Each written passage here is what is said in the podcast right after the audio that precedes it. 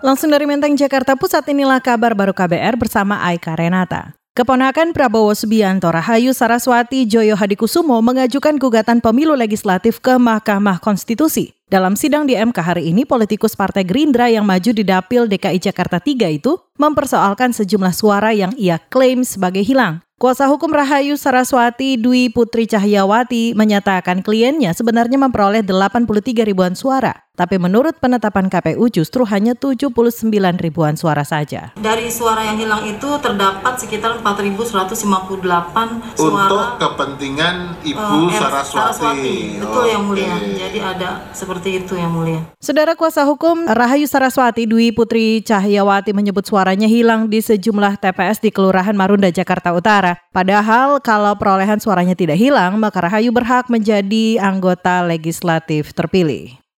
Kita beralih, Saudara Wakil Presiden Yusuf Kala meyakini proses pemberian amnesti dari Presiden Jokowi untuk terpidana kasus penyebaran konten asusila baik Nuril akan berjalan mulus. JK menyebut amnesti itu sangat mungkin diberikan, meski ia sendiri belum mengetahui perkembangan diskusi antara Jokowi dan Menteri Hukum dan HAM Yasona Lauli terkait amnesti tersebut. Presiden dan juga pemerintah melalui Menkumham siap mengkaji kemungkinan-kemungkinan itu.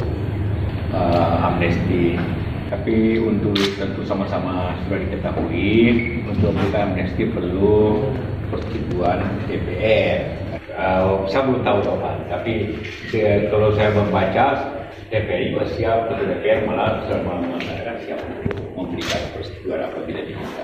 Saudara JK juga menyatakan ada sejumlah langkah yang harus dilalui oleh pemerintah untuk memberikan amnesti kepada baik Nuril. Antara lain harus meminta restu dari DPR, namun JK yakin restu itu akan dengan mudah didapatkan Jokowi. Sebelumnya, Mahkamah Agung menolak peninjauan kembali kasus penyebaran konten asusila. Nuril diputus bersalah dengan vonis 6 bulan kurungan dan denda 500 juta rupiah. Nuril lantas mengajukan amnesti kepada Presiden Jokowi.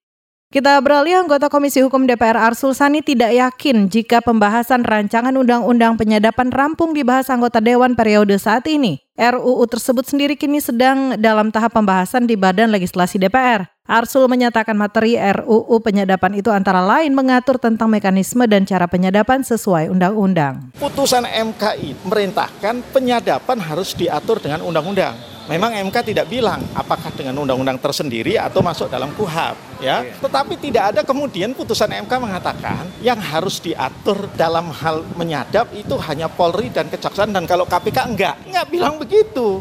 Karena itu ya harus berlaku semuanya. Apakah kewenangan penyadapan itu kita berikan di tahap sejak tahap penyelidikan atau setelah penyidikan itu hal-hal yang silahkan kita perdebatkan. Saudara anggota Komisi Hukum sekaligus anggota Badan Legislasi DPR Arsul Sani menambahkan RUU penyadapan juga berlaku terhadap Komisi Pemberantasan Korupsi KPK. Namun, Wakil Ketua Badan Legislasi DPR Toto Daryanto membantah tudingan RUU penyadapan akan memangkas kewenangan KPK.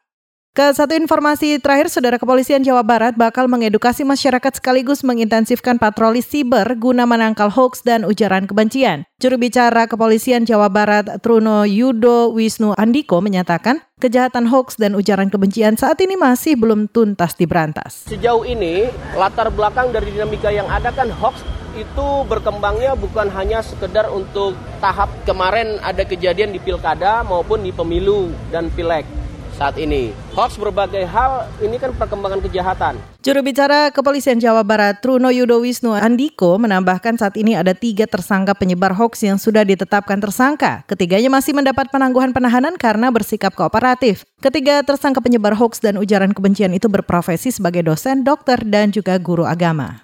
Demikian kabar baru dari kantor Berita Radio KBR, saya Aika Renata.